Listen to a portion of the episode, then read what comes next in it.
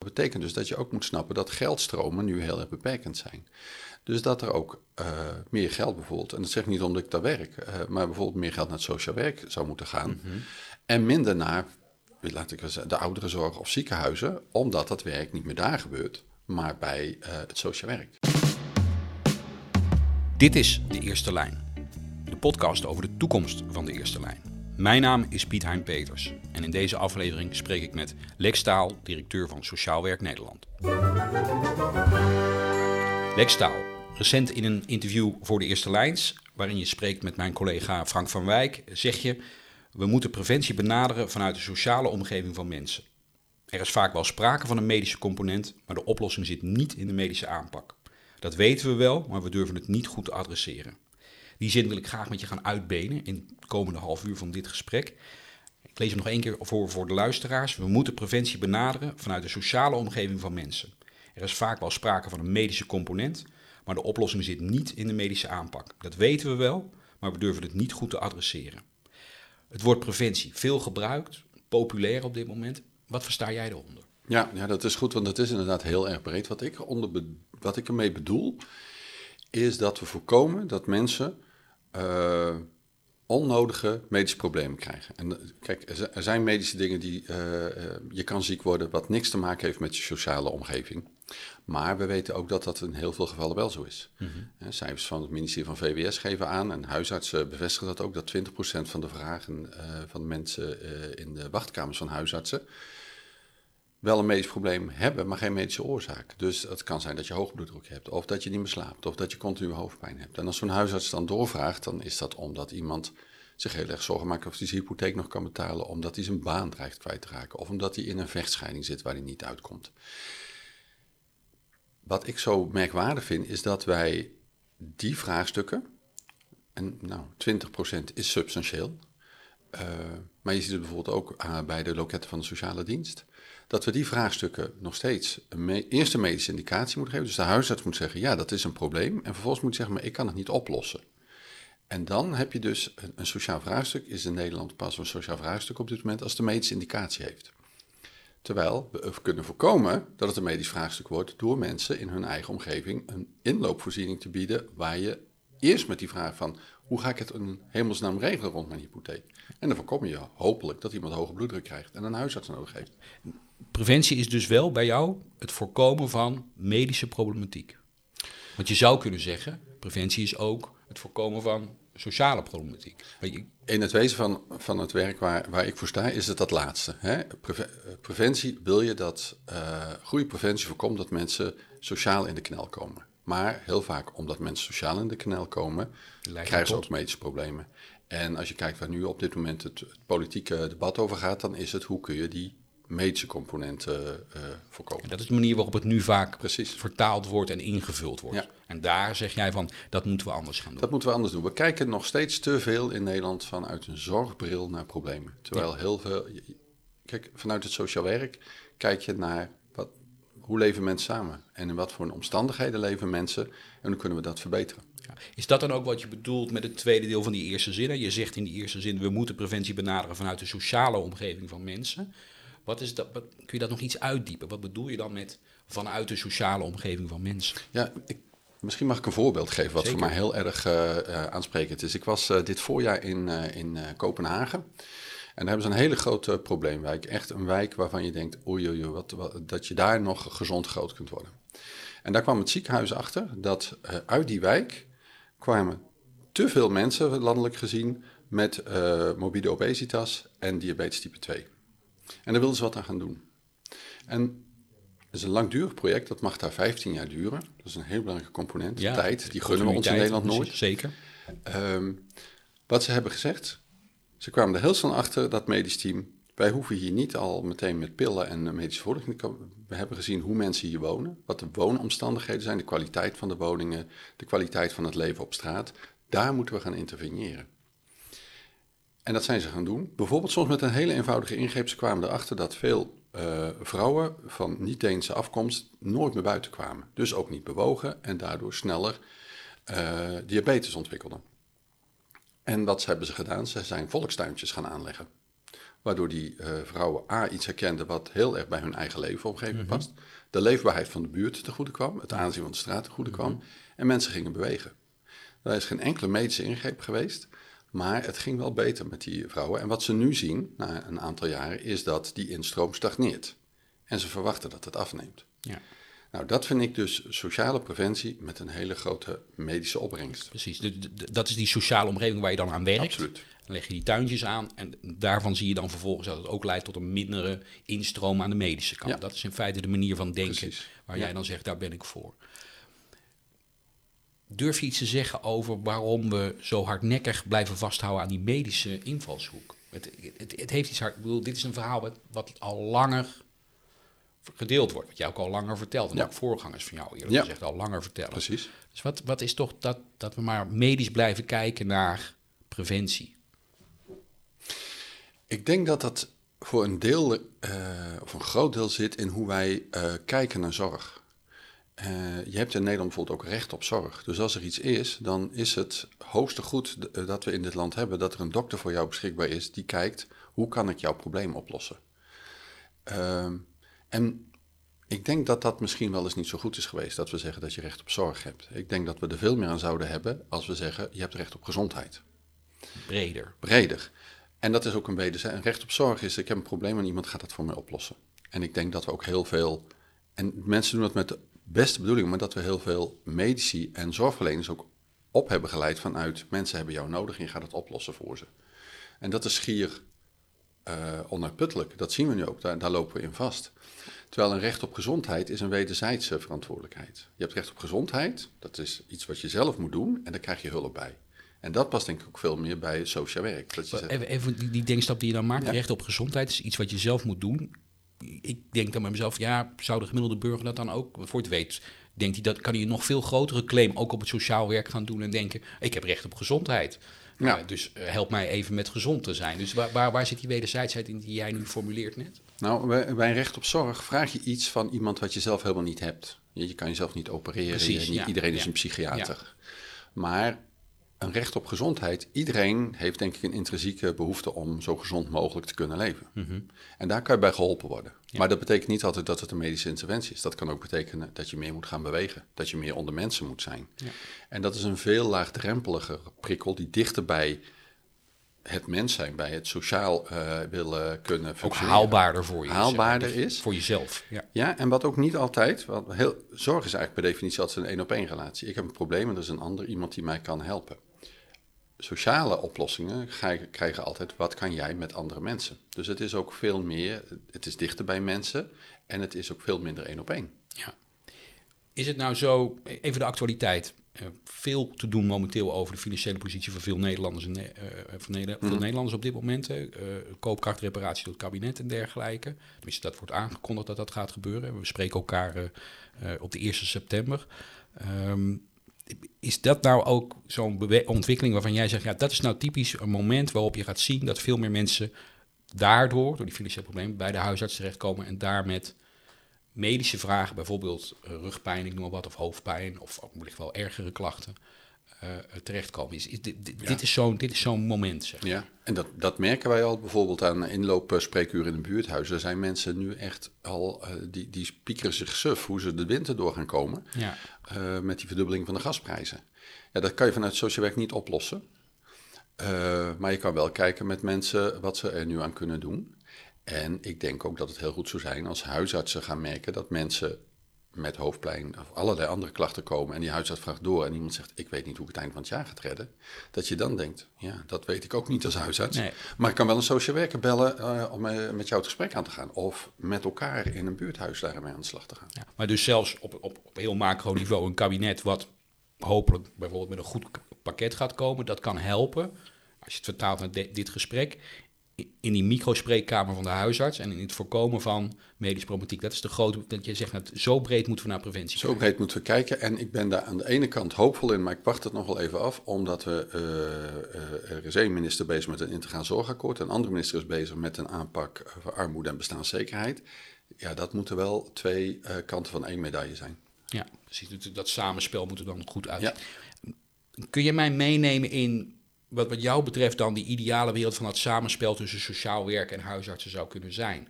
Je ziet, denk ik, landelijk dat, dat, dat men steeds dichter bij elkaar komt. Uh, welzijn op recept is een beroemd voorbeeld op dit moment. Uh, veel huisartsenpraktijken zijn daarmee aan de gang. En je ziet dat samenspel dan groeien. Maar wat is wat jou betreft, vanuit jouw positie, als jij het land overziet, van ja, dit, dit is wat mij betreft de ideale wereld? De ideale wereld, wat mij betreft, bestaat eruit dat professionals met elkaar de ruimte en de weten dat ze tijd hebben om met elkaar het gesprek aan te gaan. Dus die huisarts en die sociaal werker, of ja, de POH. En precies, of een, uh, een hulpverlener van een GGZ-instelling uh, die tijd heeft, en dat niet in een productiecijfer hoeft weg te zeggen, om eens met een sociaal werker te praten. Goh, die, die persoon gaat nu weer naar zijn buurtje terug. Ken jij hem? Hoe werkt dat dan? Uh, en uh, in, daar moet dus, vind ik, veel meer ruimte voor komen. En, en, dat we ook het vertrouwen hebben dat professionals niet alleen maar uh, tijd wegschrijven, maar tijd heel efficiënt weten te gebruiken. Ja. En met elkaar daarover in de slag mogen gaan, aan de slag mogen gaan. Waarom wordt die ruimte nu, zo begrijp ik je nu, niet ervaren? Blijkbaar ervaren professionals die ruimte nu niet. Nee, nou ja, we, we, zien natuurlijk de huisartsen in alle media ja. aanstaan die zeggen: wij hebben de tijd niet. Wat mm. kan ik nou in 10 minuten doen? Maar bij jullie? Uh, bij ons merken wij het ook. We hebben A. Kijk, dat is uh, natuurlijk een gegeven dat het sociaal werk is in een aantal delen van Nederland echt gewoon gedecimeerd. Mm -hmm. Dus mensen lopen gaten dicht. Dat is de kracht van professionals en zorgenwelzijn, maar het is ook een risico, ja. waardoor het ziekteverzuim enorm is.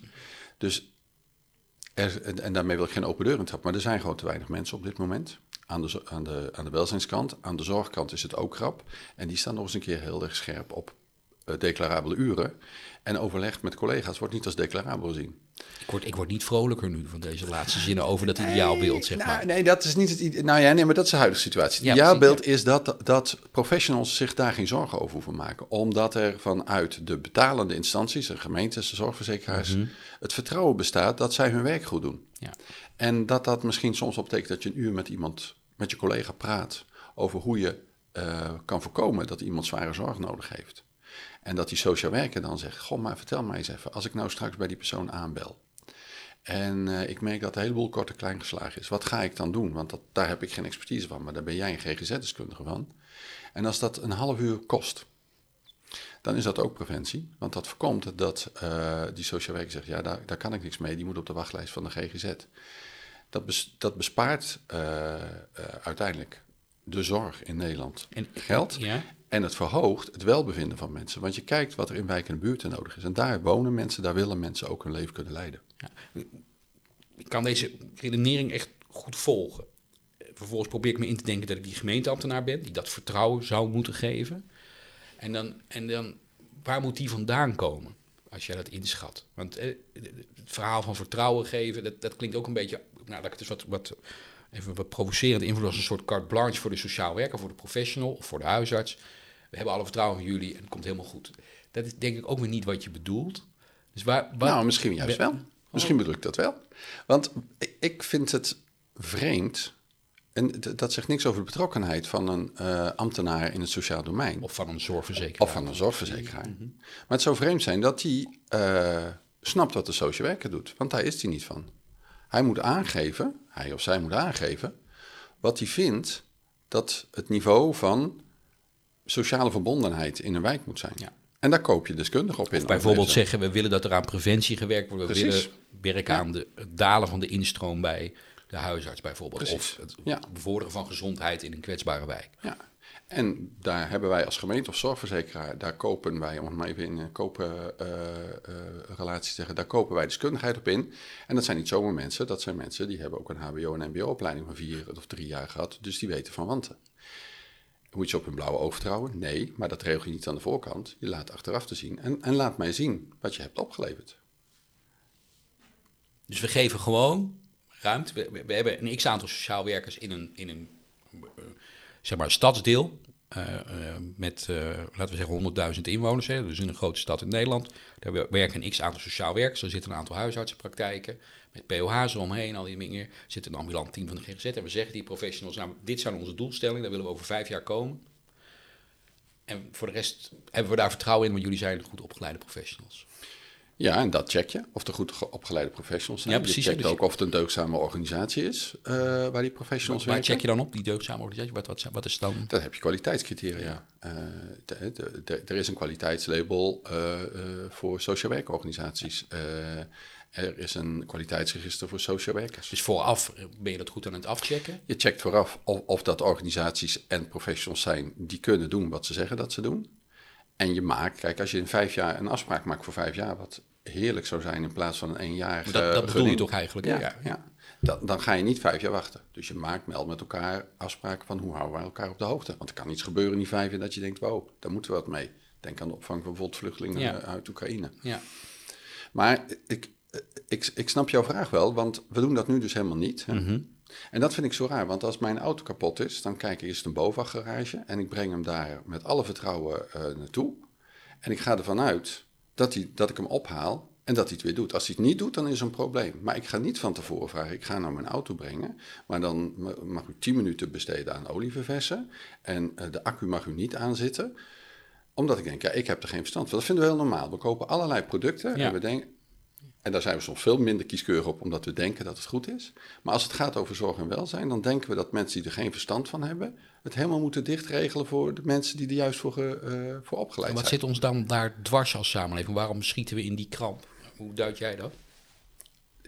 Ik denk dat we doorgeschoten zijn in het feit dat we denken... het, we, het is publiek geld en daar moet heel zorgvuldig mee worden opgegaan, omgegaan. Die grondgedachte is goed. Ja. Maar we zijn doorgeschoten in van... en het moet steeds een stukje minder, het moet steeds een stukje minder. Waardoor je eh, bent gaan micromanagen. En dat lost niks op. Dus- en dat past ook niet bij waar we naartoe willen. Dat je dicht bij mensen wilt zorgen dat ze zo sterk mogelijk in hun kracht kunnen staan. Dan moet je kunnen, dan moet je maatwerk kunnen leveren. Mhm. En je moet daar ook flexibel in kunnen zijn. En dan kan je niet zeggen, u moet dit en dit aan productie draaien. Ja. En ik hoor overal ook, hè, eigenlijk is dat wat huisarts, huisarts ook zeggen. Geef ons nou de tijd om ons werk te doen. Sterker hoor nog, je dat- hoort het, je in de vo- volledige breedte van de publieke sector. Absoluut. In feite kun je- Vergelijk onderwijs, politie, Ja. dat zijn allemaal vergelijkbare geluiden. Ja. Maar het, het heeft iets van hopers. Want dat is natuurlijk een, een, een, een gesprek wat we al, al een decennium aan het voeren Ja. zijn, volgens mij. Ja, maar we zijn wel verder, vind ik, dan een decennium geleden. Ja? En we hebben wel een... een, Waar, waar zie je die vooruitgang? Nou, we hebben een vreemde vriend erbij gekregen, dat is de arbeidsmarkt. Eh, kijk, want het, was, het is altijd een financieel vraagstuk geweest. Van eh, schaarste van geld, of vermeend schaarste van geld. Maar nu is het eigenlijk van, waar halen we überhaupt de mensen vandaan om zorg- en welzijnsvraagstukken eh, in, eh, in te gaan vullen? En ik merk nu dat wij op andere tafels gesprekken voeren met collega-partijen in de zorg en welzijn, ook met zorgverzekeraars, van hoe kan het sociaal werk in zijn collectieve aanpak een oplossing bieden voor het personeelsvraagstuk? Dus de- dat biedt ruimte, dat, dat, dat, gebrek aan, eh, op, op de arbeidsmarkt aan personeel, aan mensen, dat biedt ruimte aan een andere manier van denken, aan, aan dat idee van bijvoorbeeld die carte blanche voor sociaal werkers, om te zeggen, oké, als we stel dat we het nu echt anders willen gaan doen rondom gezondheid, dan moeten we meer richting het collectief. En dan zeg jij, maar mensen, geef die sociaal werkers dan de ruimte. Ja. Dat, dat, is, dat is het. En niet alleen de social workers, alle professionals Ja, in zorg en precies. welzijn. Laat ze samen zo dicht mogelijk bij mensen hun werk doen. Ja, wat vind je mooie voorbeelden? Is er een bepaalde praktijk dat je zegt in Nederland? Maar dat, daar- dat vind ik interessant wat daar gebeurt. Ja, en dan doe ik een heleboel tekort. Want Ja, nee, er zijn ja. heel- ik denk Ja. dat we beter in kaart ook moeten krijgen wat lokaal werkt en wat we naar boven zouden moeten trekken. Eh, maar een paar, kijk, welzijn op recept is in zich een heel mooi voorbeeld. Eh, waarin een, een huisarts heel snel kan zeggen: Ik snap uw probleem, ik kan het niet voor u oplossen, maar ik kan u wel echt in contact brengen met de social werker die met u gaat kijken hoe u uw dag weer op orde krijgt. Of die met u eens even door de belastingaangifte kijkt, want daar zit volgens mij uw probleem. Ehm, dus dat, dat, dat, dat, dat vind ik echt. Wat ik een ander heel mooi voorbeeld vind. Ik was onlangs in Rotterdam. eh, dat heet de Herstelacademie. Dat zijn mensen die eh, een psychisch probleem hebben. Maar of niet op de wachtlijst komen. Of er al op hebben gestaan. Of zorgmeiden zijn. En die eh, in een buurthuis worden eh, opgevangen, zou je kunnen zeggen. Die kunnen gewoon uit hun. Die lopen drie blokjes om en ze zijn in een buurthuis. Ze zijn in hun eigen omgeving. Daar is een ervaringsdeskundige. Daar is een social werker. En als die social werker denkt, ja, dan gaat die persoon wel naar huis, maar daar voel ik me toch niet zo lekker bij. Dan kan die dus inderdaad met iemand van de GGZ bellen en zeggen, joh, ik zit er heel erg mee. ken je die persoon?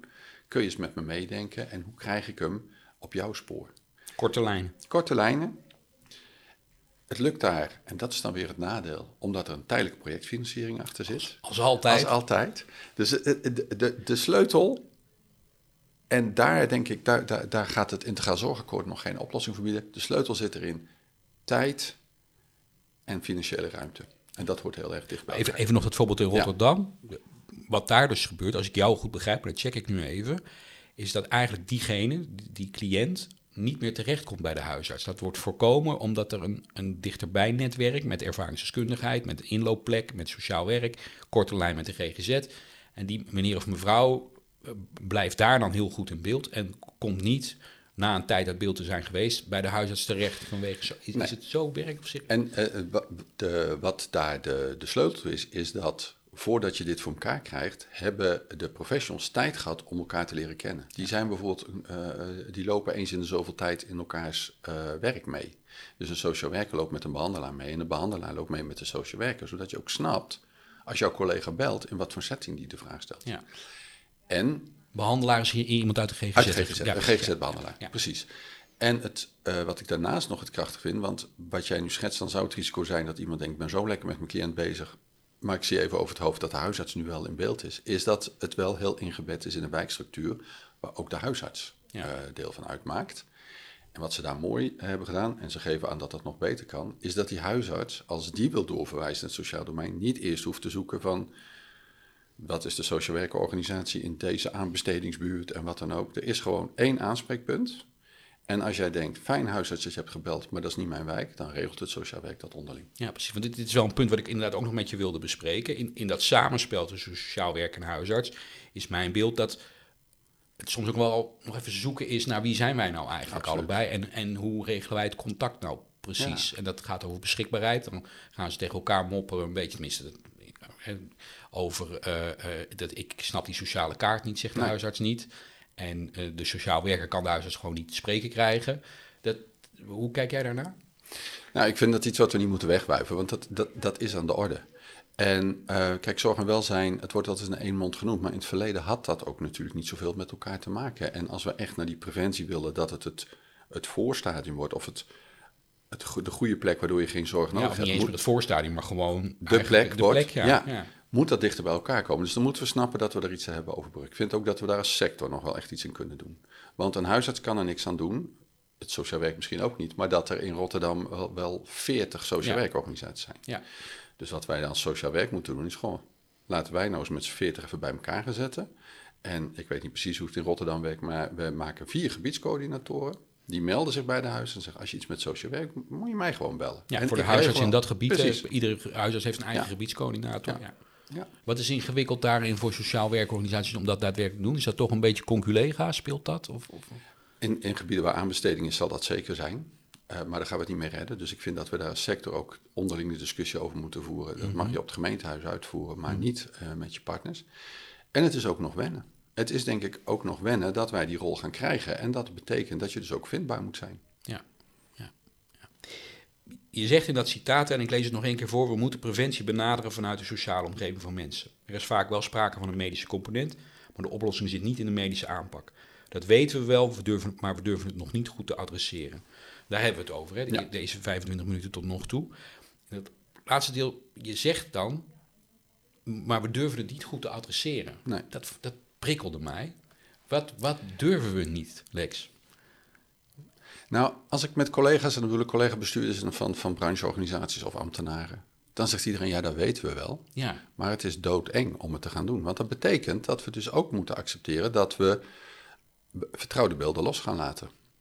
Dat Zoals? betekent dat je dus, nou ja, dan, uh, de, want, en daar komt het altijd uiteindelijk op, dat betekent dus dat je ook moet snappen dat geldstromen nu heel erg beperkend zijn. Dus dat er ook uh, meer geld bijvoorbeeld, en dat zeg ik niet omdat ik daar werk, uh, maar bijvoorbeeld meer geld naar het sociaal werk zou moeten gaan. Mhm. En minder naar, laat ik zeggen, de ouderenzorg of ziekenhuizen, omdat dat werk niet meer daar gebeurt, maar bij uh, het sociaal werk. Ja, maar name, het is met name de verschuiving, lijkt mij tenminste, en ik corrigeer me, hè, van, van curatieve zorgmiddelen naar ehm, het sociaal domein. Zo. Ja, als je bijvoorbeeld GGZ ook als curatieve zorg ziet, dan zeker. Ja, ja. Uh, En iedereen weet dat. Om toch nog maar even voor. De, de, in, in een van de vier grote steden van Nederland weet iedereen dat de instroom op de ziekenhuisopnames op vrijdagmiddag van oude mensen gigantisch is. Ja. Die hebben geen zorgprobleem, maar die kunnen niet het weekend alleen blijven. Ja. Die houden dure ziekenhuisbedden bezet met al een heel beperkte eh, ziek, eh, eh, personeelscapaciteit. En die mensen- komen via de Die huisartspraktijk. komen via de huisarts. En dat doet die huisarts niet slecht, maar die denkt, ja, die, die, die persoon kan niet alleen blijven, hup, naar het ziekenhuis. Ja. En maandagochtend worden ze allemaal weer ontslagen. Hoe mooi zou het nou zijn als je zegt, wat zijn de, de oudere werkers in het sociaal werk die er zijn? Kunnen die in overleg met de wijkverpleegkundige een oogje in het zeil houden? En dat kan. Maar dit snap ik, dit snap ik. Dus het goede idee snap ik, maar we durven het niet te adresseren. Zeg ja, wat, wat zit, wat is Nou, dat daar zit in, Dat is ja, maar welke huisarts durft te zeggen, weet je wat, jij moet niet naar het ziekenhuis. Er moet gewoon even eh, elke uur even een belletje met jou plaatsvinden. Dan, dan, En wat is dan spannend zit- voor die huisarts? nou, Wat is dan spannend? Omdat, en daar komen we terug waar we het eerder over hadden, we hebben die zorgclaim met elkaar. Hè, jij hebt recht op zorg, dus die huisarts moet uit kunnen leggen aan die mevrouw of de familie of de, de, van die meneer. Dat is niet nodig. Ja. Maar ik zorg wel dat het goed gaat. Ja, ik, Nou heb, ja, ik heb hier een, een, eh, de, de oudere werker hier in de buurt, of tenminste de sociaal werker die gespecialiseerd is in oudere eh, Ja. kwesties. En die gaat ervoor zorgen dit weekend dat hij regelmatig met u contact heeft. Precies. Kijken hoe het met u is. ja. en het ligt niet aan die huisarts dat hij het, dat hij het niet Nee, doet. het is geen verwijt. Maar we zitten met elkaar in een systeem dat we en te weinig tijd hebben om even na te denken wat ook zou kunnen helpen. Een- we durven niet, ja, we zitten een manier van denken. Ja, en we durven vaak ook het publieke debat niet aan. Dat zie je in de jeugdzorg. Eh, iemand denkt, ik heb jeugdzorg nodig. En in die, eh, bij de gemeente denken ze, nou, misschien zou jongerenwerk ook wel kunnen helpen. Wat zegt een, een, een welbespraakte ouders? Nou, daar zullen we nog wel eens eventjes, een, eh, moet ik anders eventjes de rechtshulp inschakelen. Moet ik hier een beetje met zo'n gezinswerker die met mij een beetje gaat normaliseren eh, aan de slag, terwijl ik gewoon een specialistische hulp wil hebben. Ja. Dat heb ik al uitgezocht. Precies, Die, die toon. ja, ja. En ook daarvan denk ik, laten we toch echt, verdikken me, vertrouwen in de kracht van professionals. Ja. En daarmee helpt ook de, de, de, de boedelscheiding tussen aan de ene kant de gemeente als financier en aan de andere kant de zorgverzekeraar met zijn betaaltitels ook Ja. niet. Mhm. Want dat ziekenhuis kan die, die, die ouderen die die in het weekend opneemt, ja, die kan die betaald krijgen. Ja, dat is, eh, zijn inkomsten. Ja, en eh, die, die, eh, als je dat wil besparen, dan zal die zorgverzekeraar op dit moment, er zijn wel bewegingen van, maar die zal niet zeggen, nou, maar dan gaat er wel een deel naar het eh, van het geld naar de gemeente, want die oudere moet ook ergens uit Ja, precies. Daar kunnen we een extra ouderwerker Ja. van betalen die dat dan gaat doen. Klinkt ook alsof je zegt, die sociaal werker wordt nog te weinig vertrouwd. Grosso modo. Dat is Ja. toch, dat, wat, wat is dat? Waarom, waarom nemen we die minder serieus dan de medische professional, om het maar even zo te zeggen? Nou, ik werk nou twintig jaar in zorg welzijn. Ik heb in ouderzorg gewerkt, ik heb in gehandicaptenzorg gewerkt. En er zit nog steeds een hiërarchie in, waarin eh, de, als je kijkt naar uitvoerende professionals, de OK-verpleegkundige staat helemaal bovenaan en helemaal onderaan staat de sociaal werker. Dat zit, dat zit in mensen. Dat merk ik ook. Dat zie je bijvoorbeeld als het in wijkteams gaat. Dan zit dat gewoon in hoe mensen blijkbaar zijn opgeleid en naar elkaar kijken. Het zit hem ook een beetje in sociaal werken zelf. Eh, er zal niemand zeggen van... ja, ik ga nu eh, een verband aanleggen. Ja, ik weet ook niet precies hoe het moet. Maar laten we samen maar kijken hoe het gaat. Dat- Dat, doet een wijkverpleegkundige en die is weer geregistreerd. En die is, daar, die is er ook trots op. Ik hoor nog te veel sociaal werk zeggen... Ja, ja, hoe heb ik dat nou eigenlijk aangepakt in die buurt? Ja, dat gaat vanzelf. Ik denk, nee, Ja, dat gaat vanzelf, dat gaat niet vanzelf. Ik hoor het Dat- hem of haar ja, zeggen, ja. Ja, dus wij moeten als sector er ook nog aan wennen... dat als we op dat podium staan, dat er ook van ons gevraagd zal worden. Maar vol- waarom dan? Ja, en dat wij een volwaardig, dat jullie een volwaardige partner zijn, Ja. hoor dat dan ook Ja, ja. En dat gaat steeds beter. En ik zie ook aan opleidingen dat ze er steeds meer aan doen. Maar we hebben daar ook als sector nog wel een beetje bij te En dat zou kunnen bijdragen aan die andere partij, bijvoorbeeld de huisarts in het voorbeeld van net van het weekend, hè, die dan inderdaad die sociaal werker als een volwaardig alternatief voor die ziekenhuisopname gezien. Want dat is, dat is eigenlijk in het kleine beweging die je dan wil zien. En, en laten we zeggen, 15 jaar geleden, of 20 jaar, ik weet niet precies, maar een tijd geleden was dat normaal. Dan was er een maatschappelijk werken en die eh, liep regelmatig bij zo'n huisarts naar binnen. Die kenden elkaar. Nou ja, door die hele WMO-decentralisatie is dat te veel verwaterd. Maar als dat heeft gefunctioneerd, dan kunnen we dat weer terugpakken. En ook in een jasje van nu. Next, we hebben een half uur gesproken over dat jij zegt we moeten preventie benaderen vanuit de sociale omgeving van mensen. En dat hebben we uitgediept, dat daar hebben we proberen meer, meer beeld bij te krijgen. Stel die beweging die jij voorstelt, dat doen we niet. We, blijven in dit discours waarvan jij zegt, daar moeten we van weg. En tegelijkertijd is dat spannend, dat durven we niet goed te adresseren. Maar we doen het toch niet. We luisteren niet naar Lex Staal en naar anderen. Wat, wat gaat er dan mis? Wat staat er op het spel? Nou, wat we nu al zien is dat de wachtlijsten voor zorg uh, alleen maar groter zullen worden. Ik denk dat uh, alle mooie initiatieven om leefbaarheid van wijken te vergroten, die, die ook van die preventiekracht uitgaan, dat die niet gaan lukken. Want dan laat je het toch fout lopen. Uh, Bijvoorbeeld vanwege die tijdelijke gelden en dat soort ja, dingen. Precies, ja, precies. Ja. Um, dus alle. Kijk, dan gaat het niet lukken wat het kabinet uh, als hoofdtitel heeft staan: omzien naar elkaar. Want dat is preventie. Omzien naar elkaar, kijken hoe je dicht bij mensen zo vroeg mogelijk kan interveneren. We hebben de afgelopen jaren gezien dat we dat niet hebben gedaan met alle gevolgen van dien. En ik wil niet zeggen dat als er goed sociaal werk was geweest, dat al die problemen waren voorkomen. Maar we hadden wel meer kunnen omzien naar elkaar. Uh, dus ik denk, als we dat niet doen, dan gaan de zorgkosten blijven gierend uit de klauw lopen. Maar het personeel is er niet, dus dan wachtlijsten nemen toe. En ik denk dat het, uh, ja, dat durf ik toch wel te willen, dat de, de, verharding die we zien in de maatschappij, dat okay. dat alleen maar toe zal nemen. Ja, dus, dus ik hoor je zeggen dan ook, mensen kunnen, krijgen dan niet de kwaliteit van leven, op individueel niveau zelfs, voor kwetsbare mensen die ze zouden kunnen krijgen. Dat, dat is ja, nou ik zou nog iets zeggen, mensen krijgen niet de mogelijkheid om zelf de kwaliteit ja. van leven die ze willen hebben vorm te geven. Juist. Okay. Lex Staal, dankjewel. Graag gedaan.